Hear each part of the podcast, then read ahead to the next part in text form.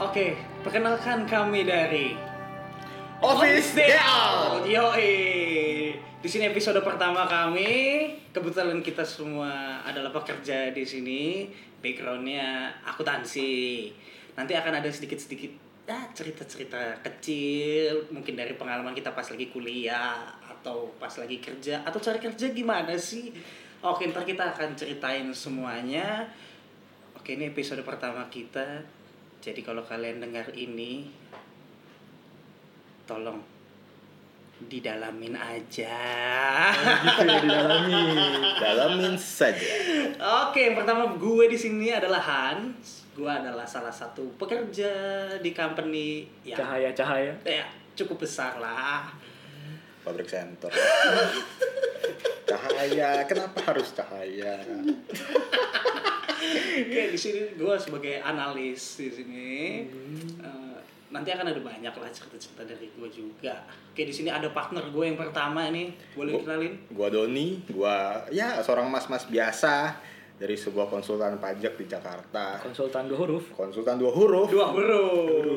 Jadi ya begitulah nanti kita akan perkenalan lebih lanjut dan sini ada partner gue lagi di sini. Halo teman-teman, nama gue Julius. Gue di sini kerja sebagai auditor eh, di salah satu big four company di Apa itu Jakarta. Big Four, Yo? Apa itu Big Four? mungkin kalau misalnya teman-teman accounting tahu kali ya Big Four itu apa. Nanti kita mungkin lebih dalam di session berikutnya kali ya. Ngeri ngeri. Big Four empat huruf ya? Big Ya, Four itu- empat huruf ya. Ya begitulah. Empat huruf ya dan balik lagi ke Hans. Oke. Jadi yang pertama sih tujuan kita bikin podcast ini ya kita sebenarnya mau sharing-sharing aja cerita atau sebenarnya kita mau meluapkan Curhat-curhat gitu lah curhat-curhat ya. kita Curhat sebagai kita. pekerja, sebagai budak-budak intelektual. Jadi mungkin sel- selama kalian dengar episode-episode yang lain ada banyak jokes internal, ada banyak cerita yang Jokes-jokes mungkin berkaitan. kalian relate dan tidak relate ya dengerin aja. Jokes berkaitan accounting. Kalau Karena kan accounting. kita lulusan accounting semua lah ya Hans ya. Kadang-kadang di luar accounting juga ada, ya dengerin aja. Kalau misalnya kalian bilang ih apaan sih nih Eh, bahasanya kok nggak sesuai banget, ya bodo amat. Bacot. Nah, enak tuh. Ya. Itu.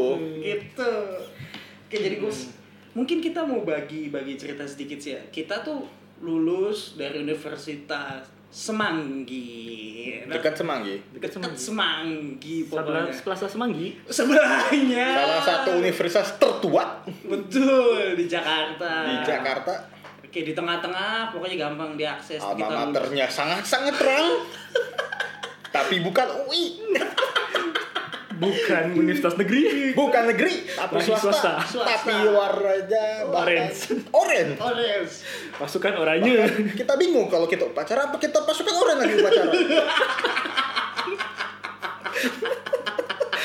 Tapi itu kampus kita. Iya. Itu kampus kesayangan kita, Kita. dan kita lulus di sana, Kita lulus kita, dari sana. bangga dari sana. Walaupun alma maternya hanya gue pakai satu upacara. Iya. Sama lagi tugas organisasi. ya, sisanya tidak.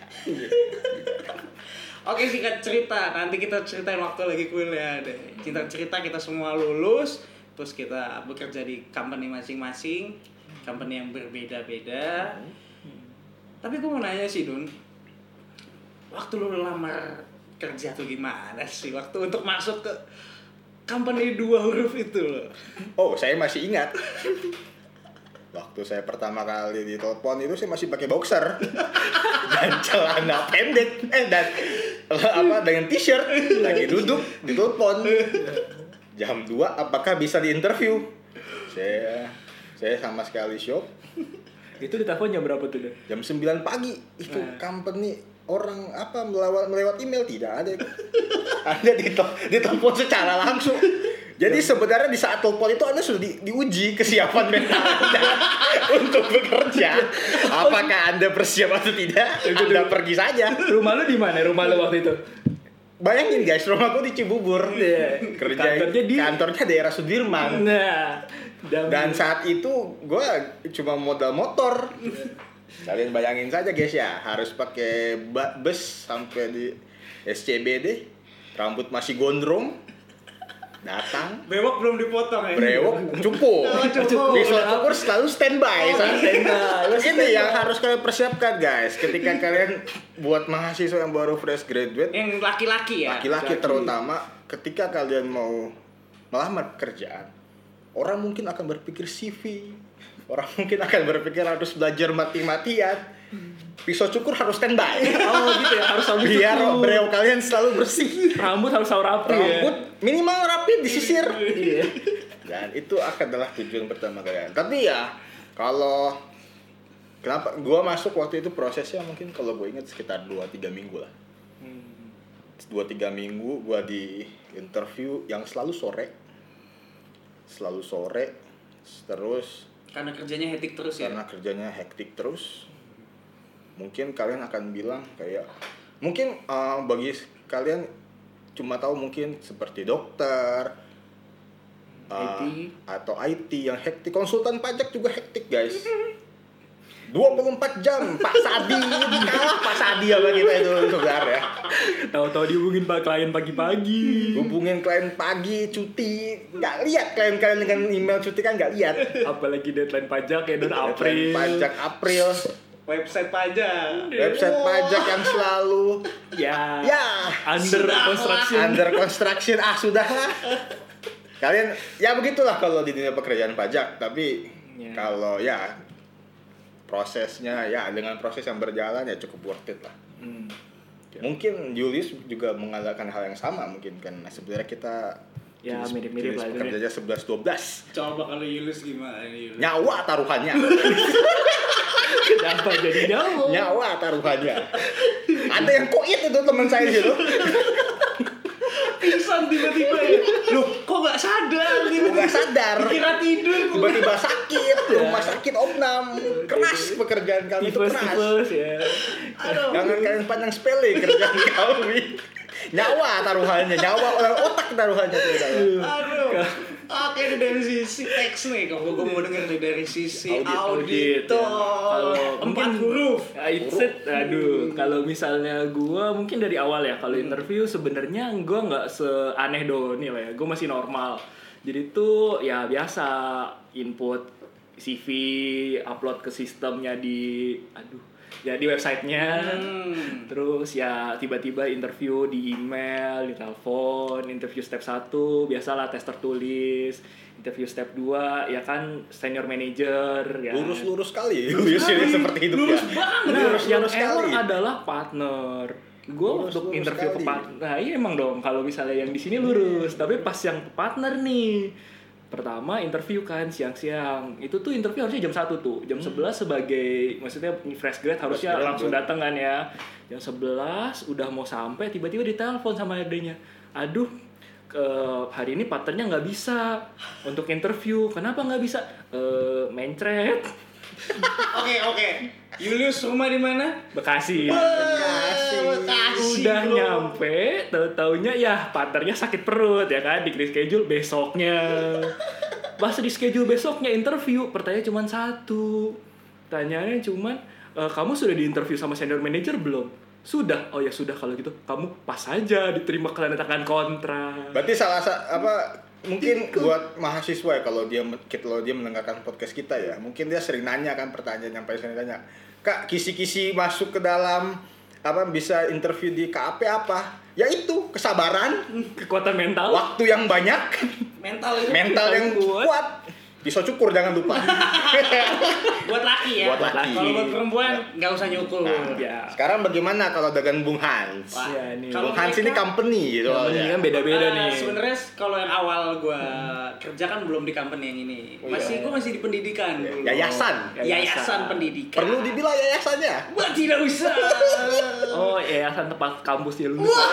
Jadi Bung Hans ini emang orangnya cukup fleksibel bekerjanya di Iya. yayasan NGO kalau bahasa kerennya non profit organization. Tapi cari profit gak Hans? Cari Cari, lah. karena kita butuh makan.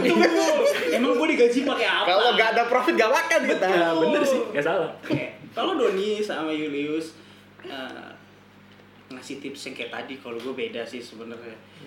Tips dari gue kalau mau ngelamar kerja adalah punya orang dalam. Orang dalam tambah kisi-kisi Anda itu, tambah di catatan Anda. Di saat Kisi-kisi. Julius dan Doni harus ngasih CV, ngasih apa, kalau gua enggak.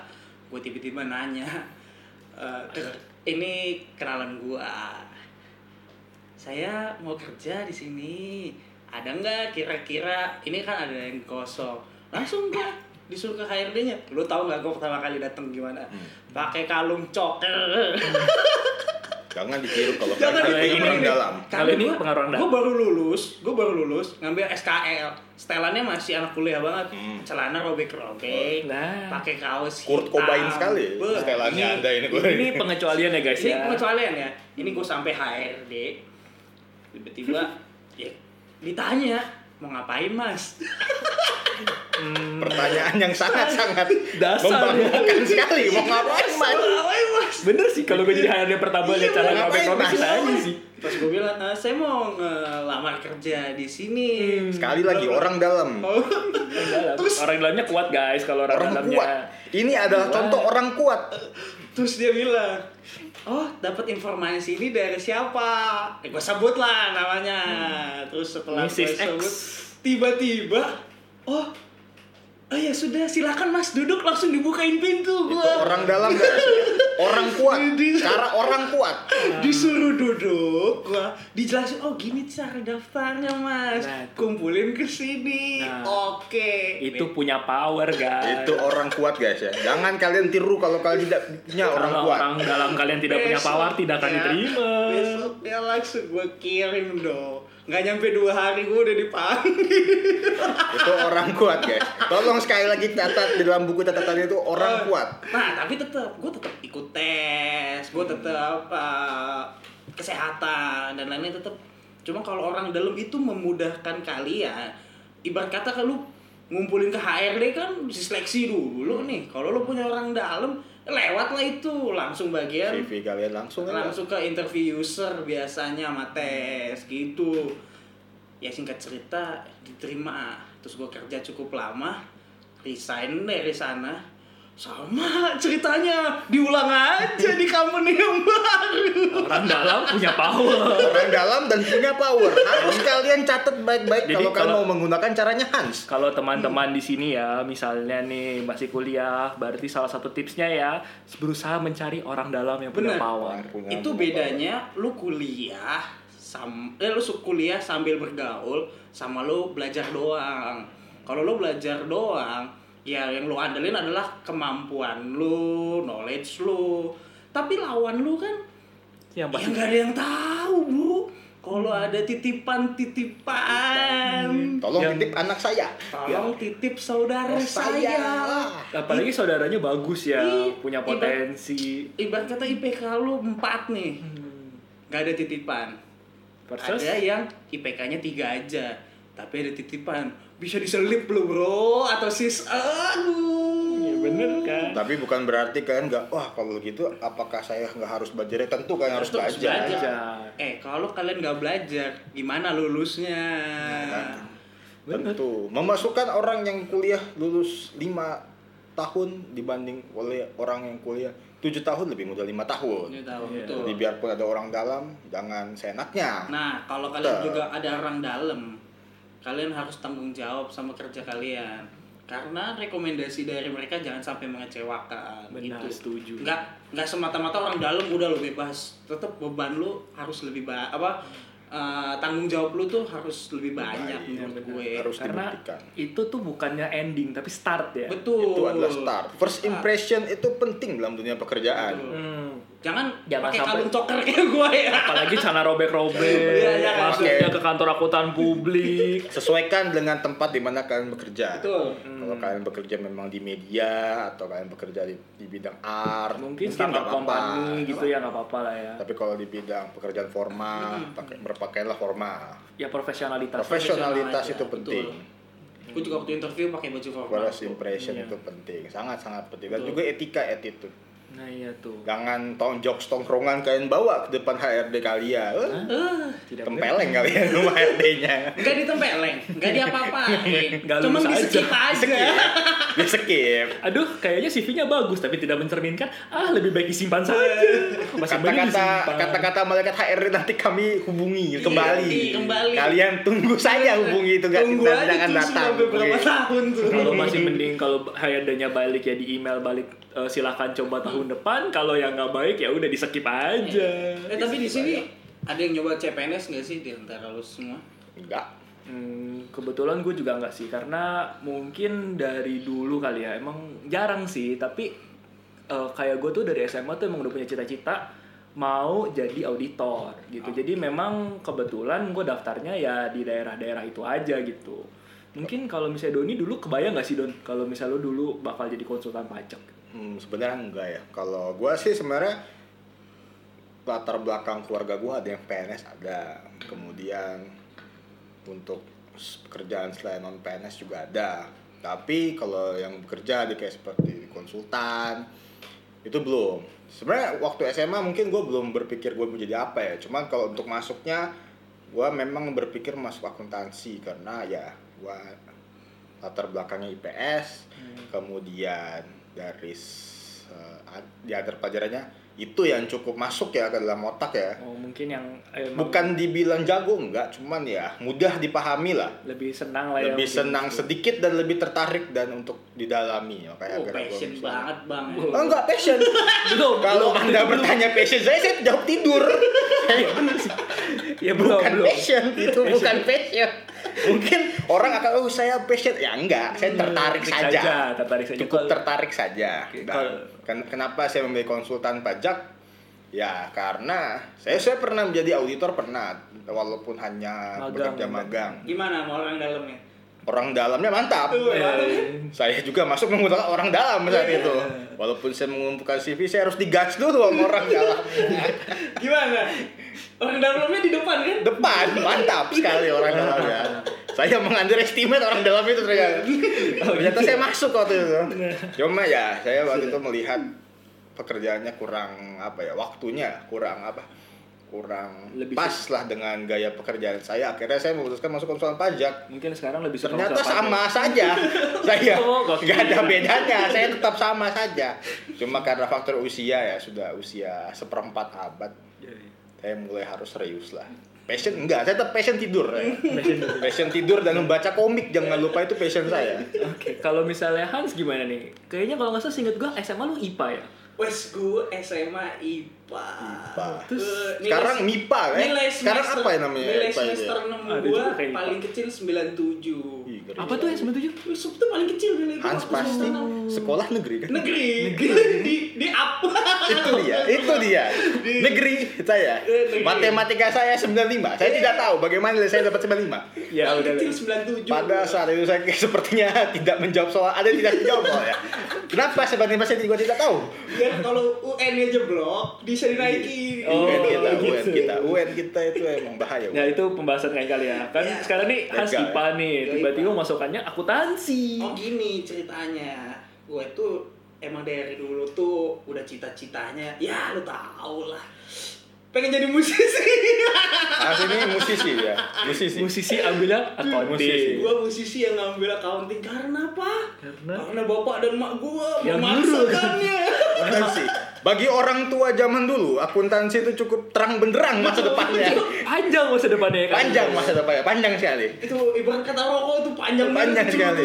tuh, Panjang sekali. Hmm, Gila. Salah satu pilihan, salah satu pilihan utama ya Iya, emang jurusan sejuta umat kali ya. Umat, panjang sekali. Selain dokter. gue mengikuti saja semester satu. Biar gak durhaka ya. Iya, yang gak durhaka. Semester 1 udah puyeng gua, Pak.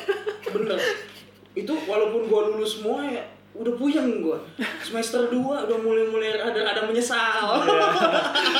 Semester 3 sudah udah amat. Semester 3 masih berjuang tuh. Oh, masih berjuang. Semester 4 udah mulai ah, ah sudah. Alah. Aduh, capek banget. ah. Semester 7 kalau nggak selesai nanggung nggak sih? Nanggung. Ya, itu kan. Udah semester-semester akhir itu, saudara. Semester akhir, semester 8, gue extend kebetulan tambahan-tambahannya lulus. Ya udah akhirnya gue jadi akuntan, tapi gue kerja di pendidikan dulu, pendidikan eh, universitas lah. Iya, yang tadi ya, yang tadi. Kalau soal waktu, waktu gue lebih fleksibel sih dibandingin Doni sama Julius.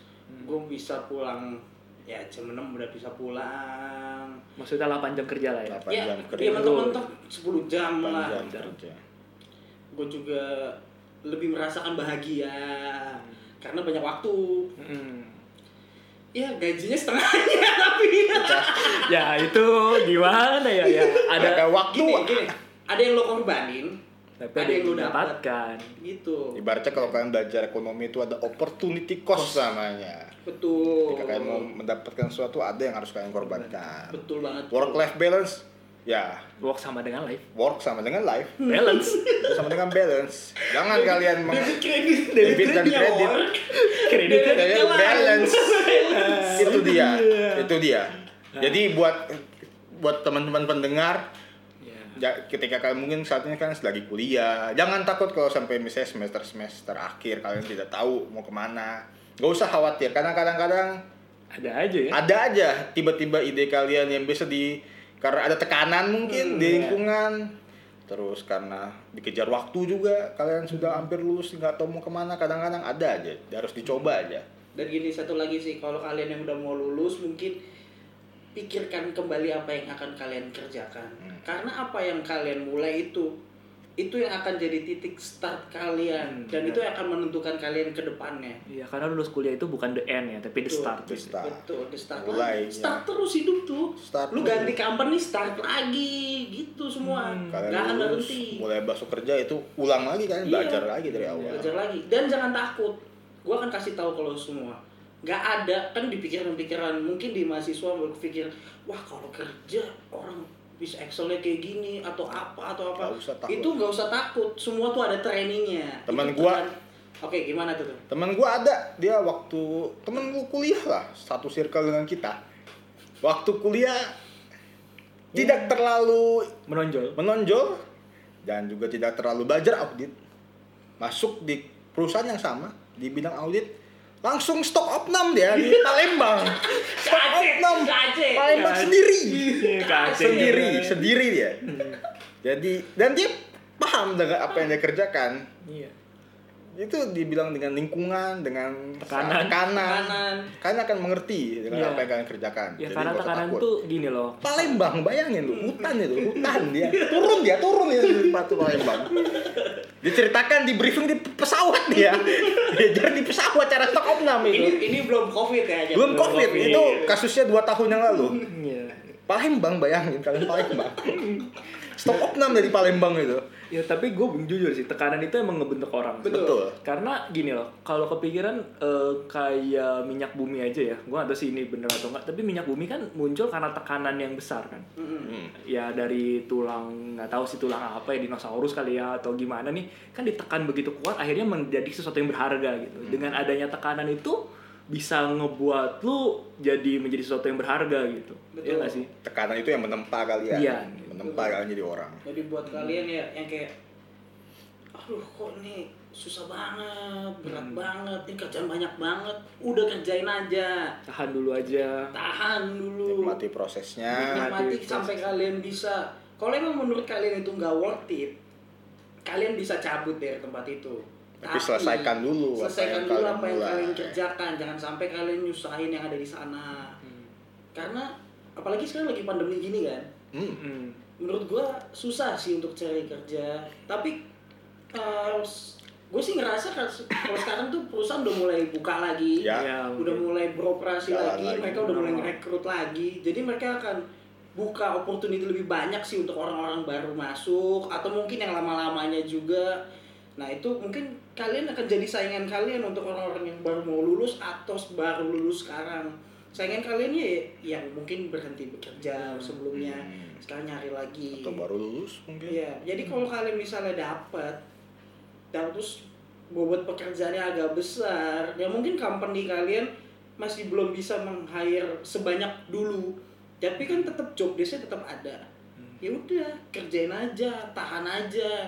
Iya. Kalau kalian bisa, itu akan jadi skill buat kalian. Jadi kalau kalian ah udah muak nih atau gimana, lu mau cabut dari perusahaan itu, lu punya skill yang lu bawa gitu aja sih kalau menurut gue. Karena tuh skill tuh nggak semuanya itu berdasarkan teori, nggak semuanya kuliah eh, maksudnya materi-materi ilmu kuliah gitu. Kan ada banyak yang bahkan lebih berharga itu yang kayak soft skill Betul, gitu kan. betul. bagaimana lu manage waktu bagaimana lu manage pekerjaan bagaimana lu memanage tanggung jawab. Mungkin kalau misalnya senior itu memanage gimana staff-staff lu nanti gitu kan. Itu mungkin lebih bahkan jauh lebih berharga menurut gue daripada hanya teori-teori doang gitu. Jangan lupa cara ngobrol, cara Emang berbicara, ya. Cara bicara dengan mendekati orang. Approach. cara menegur, Menegur, tanpa menyakiti. Itu soft skill, yang cukup jarang sebenarnya kan bisa dibagi orang dan itu nilainya berharga banget sopan santun. Sopan santun. Iya kan higher reward higher responsibility Tanggung jawab itu nggak datang hanya sehari, Mm-mm. tapi itu harus dibangun oleh diri kalian sendiri. Terutama ya jadi dari apa yang dibilang sama Hans dan Julius dan terakhir mungkin yang gue tambahin fokus dengan apa yang kalian kerjakan. Betul. Fokus. Jangan jangan kalian orang lain kayak "Ih, kenapa temen gue lebih bagus ya? Setiap orang punya timelinenya beda-beda. Mungkin hari ini dia di situ karena mungkin dia sudah mempersiapkannya dari dulu. Ya dan mungkin saat ini kalian sedang di tahap itu untuk mempersiapkannya. Jadi ya kayak iceberg aja gitu lah ya. iceberg lah. Jadi yang ya kelihatan sama kelihatan yang sama yang dia di, apa, dalamnya dalam lautnya itu kalian nggak tahu sebesar apa jadi ya fokus aja dengan apa yang kalian kerjakan ada yang cepat ada yang lambat ya itu masing-masing lah gitu Mm-mm. Banyak kok hal yang menyenangkan di pekerjaan sebenarnya. Kayak dapat teman baru, Dapat teman keluarga baru. baru. Ya susah bareng lah, Susah kata. Ya. Sama kalian harus tahu value kalian lah. hmm. Jangan kayak gini, ah, gue punya temen Hmm. uh, dia baru lulus pas gue tanya emang kenapa sih lu? Lu kan udah, udah disuruh interview di sini sini. Ah nggak mau gue lah cuk. Kenapa? Mestinya kan kalau gue lulus Iya. ya gue minimal dapat 9 10 hey fresh graduate itu lu bisa dapat 5 juta. Itu udah bagus menurut gua. Hmm. itu udah cukup lebih. Kan lu akan nanti akan naik. Naik Terus. naik naik naik naik naik naik naik. Itu ada tahapnya. Kalau lu udah kayak 10 juta nih. Akhirnya tapi lu mungkin dapat sana. 10 juta tapi dua tahun lagi. Ngapain? Mending lu dari sekarang kerja lu ngumpuk value lu lu ngumpuk semua skill lu. Pengalaman. Pengalaman nah ibarat kata emang lu dinaikin pangkatnya jabatannya atau lu nanti akan pindah ke company lain itu bisa naik naikin gaji kalian. Ya mungkin bisa aja fresh grad dapat gajinya UMR ya bisa Bisa, bisa, UMR bisa, tapi bisa. misalnya UMR target lu 10 juta. Mungkin sisanya itu sisinya adalah soft skill yang nggak terlihat gitu loh. Betul. Kayak kalau bahasa accountingnya tuh intangible asset lah ya. Betul. betul. Intangible asset. yang nggak terlihat gitu kan itu juga mening- meningkatkan nilai lu gitu kan. Untuk nanti kita ketika ke depannya itu tuh dan menurut gue sih nggak cukup hanya lu stuck di sini gitu. Misalnya lu soft skill udah bagus tapi nggak ada salahnya lu ambil mungkin kalau gua apa ya eh, sertifikasi Iya. atau mungkin S2 S3 atau gitu. mungkin eh, kalau terlalu mahal kan bisa kursus sekarang banyak lah kursus Banyak kursus kursus. online itu daripada kalian harus nunggu nganggur itu ilmu kalian kedepresiasi secara nggak langsung nah tuh betul betul kan Betul. kalau nggak kepake kan lama-lama hilang hilang hilang Usang dan Nusuk, angus. nusuk. amortisasi sebenarnya Oh ya, amortisasi. Intangible Oh, kan? asset. Intangible. Iya, sorry gue salah. dia. Prinsip usang dan dia teramortisasi jadi kalian harus meningkatkan value kalian Betul. Oke, mungkin sedikit evaluasi dari perbincangan kita. Hmm. Jadi kalau menurut Doni nih, buat teman-teman mungkin yang nanti baru mau lulus atau oke, aku tuh mungkin sekarang lagi skripsi. Hmm. Apa sih yang harus disiapin untuk ke dunia kerja? ya kalau lagi skripsi ya kalian tentu harus selesaikan skripsi kalian dulu tapi kalau misalnya oh eh, sudah kalian sudah mulai Tahap akhir akhir. tahap akhir nih sudah ya tinggal nunggu approve dosen atau mungkin tinggal tunggu jadwal sidang kalian bisa coba cicil-cicil mulai coba masuk-masukin CV ke, ke perusahaan-perusahaan yang menjadi target kalian. Karena kalian nggak akan langsung dipanggil. Jangan berpikir kayak hari ini kalian masukin CV besok jadi dipanggil. Nggak seperti itu. Bisa mungkin seminggu dua sebulan. Jadi ya cicil aja buat masukin CV sambil nunggu panggilan perusahaan kalian bisa coba buat coba kursus atau seminar atau tutorial tutorial online. Banyak orang India itu ngasih tutorial di YouTube Betul. Kalian bisa dengerin dengan Walaupun sesuai bidang kalian. agak nyusahin ya. Iya. Bahasa Inggrisnya agak nyusahin. Kan ada Dengerin aja. subtitlenya, Dengerin ya, saja. usaha. Dengerin saja. Nah, itu istilah waktu yang apa gap waktu itu dengan ilmu apa dengan bukan ilmu ya seperti seperti tapi seperti ya soft skill Iya, soft pengetahuan, skill pengetahuan. pengetahuan yang mungkin berguna buat kerjaan kalian nanti gitu jadi nggak ada terlalu Preparation, lama berarti Oh dari Julius. Kalau gue mungkin nambahin dari Doni ya, preparation itu perlu, tapi kan nggak ada nilai. Misalnya dan lu nambahin soft skill ya, tapi nggak ada salahnya kalau lu perkuat channel. Betul. betul Perkuat channel kan banyak orang masuk bukan hanya karena ilmunya pinter, bukan karena dia pinter, tapi karena dia kenal orang dalam. Betul. Ya itu kan itu juga perlu gitu. Kalau bisa eh, mungkin udah tahap-tahap akhir. eh, ya kalau misalnya teman-teman yang belum tahap akhir juga, kalau bisa ikut organisasi itu kan bisa memperkuat channel kan, memperbanyak channel juga gitu, menambah soft skill dan yang untuk akhir-akhir mungkin yang udah teman-teman yang punya waktu luang kosong di tahap akhir tinggal sidang atau gimana ya perkuat mungkin eh, kenalan sama seniornya yang udah bekerja, nanya-nanya pengalaman mereka itu kan juga bisa gitu. Atau mungkin ada posisi yang Kosong kosong, gitu kan, itu kan pengaruh orang dalam juga cukup kuat gitu. Kuat. Dan kalau Hans Kalau gue sih ya tahu aja value lu berapa, nggak usah terlalu gue matok harga yang tinggi banget atau gue harus ya kalau kerendahan juga jangan, Mm-mm. tapi lu patok aja. value. Mungkin di UMR itu lebih bagus daripada lo harus terlalu tinggi. Ya terakhir sih mungkin yang gue simpulkan dari kita semua ya, ini kata-kata yang sedikit bijak. Hmm. kalau lu gagal di persiapan berarti lu mempersiapkan untuk gagal Udah. Betul kan? Betul. berarti lu intinya ya dari kita kita yang sekarang lagi pada kerja udah lulus mau ngingetin buat mungkin yang mau kerja atau baru lulus atau lagi skripsi persiapkanlah yang baik. Jangan sampai persiapan kalian kurang. Berlebihan pun juga jangan. Jangan. takutnya mubazir. Iya. persiapkanlah yang pas yang kira-kira kalian butuhkan apa. Misalnya kalian daftar nih eh mm, simpel aja ya lo daftar di perusahaan accounting. Hmm. seenggaknya lo harus tahu apa yang lo persiapin. Berarti lo harus bisa tes accounting. Accounting, betul iya, dong? Iya. ya eh, lo cari ada banyak. Excel juga. bisa. Excel ya kalian lihatlah rumus-rumus yang standarnya apa, Apa, iya. gitu. Perhitungan-perhitungan pajak mungkin. Oh, iya. Mungkin Perbagus LinkedIn kalian juga. betul. Di LinkedIn Salah juga disiapin.